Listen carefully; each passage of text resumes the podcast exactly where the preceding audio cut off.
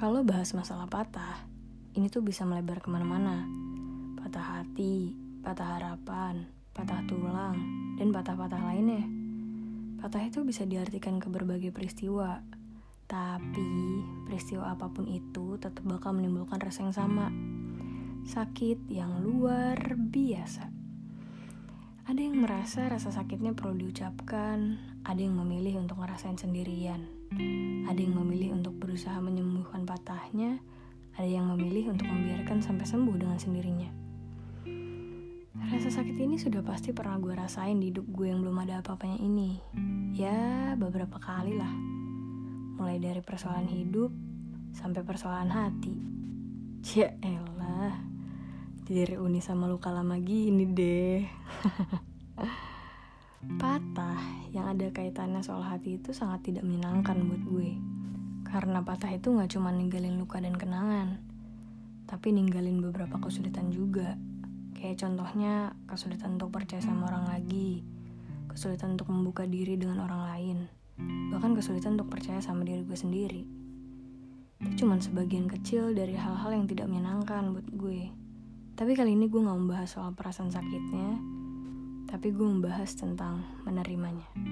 Seperti yang mungkin kita semua tahu, ketika seseorang berhasil melukai perasaan kita, kita itu punya kecenderungan untuk berusaha bisa menyembuhkan lukanya agar bisa terlihat baik-baik aja.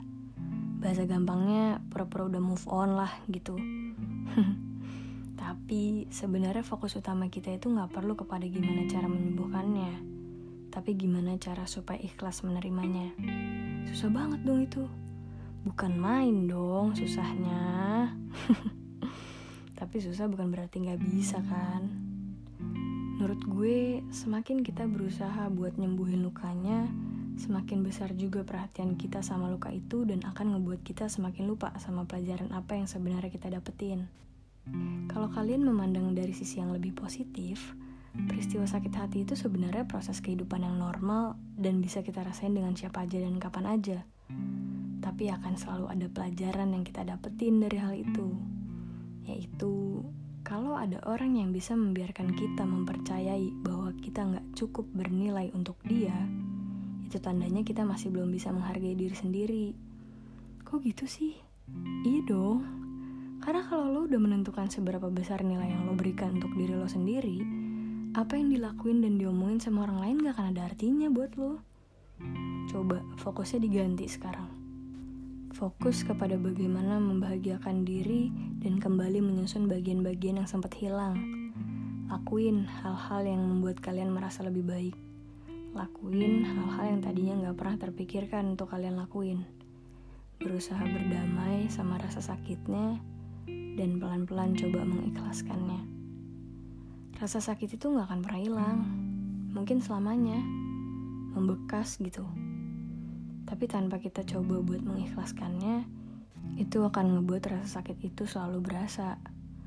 Dan pada akhirnya, dengan tidak memfokuskan perhatian kalian sama lukanya, akan membuat lukanya sembuh dengan sendirinya.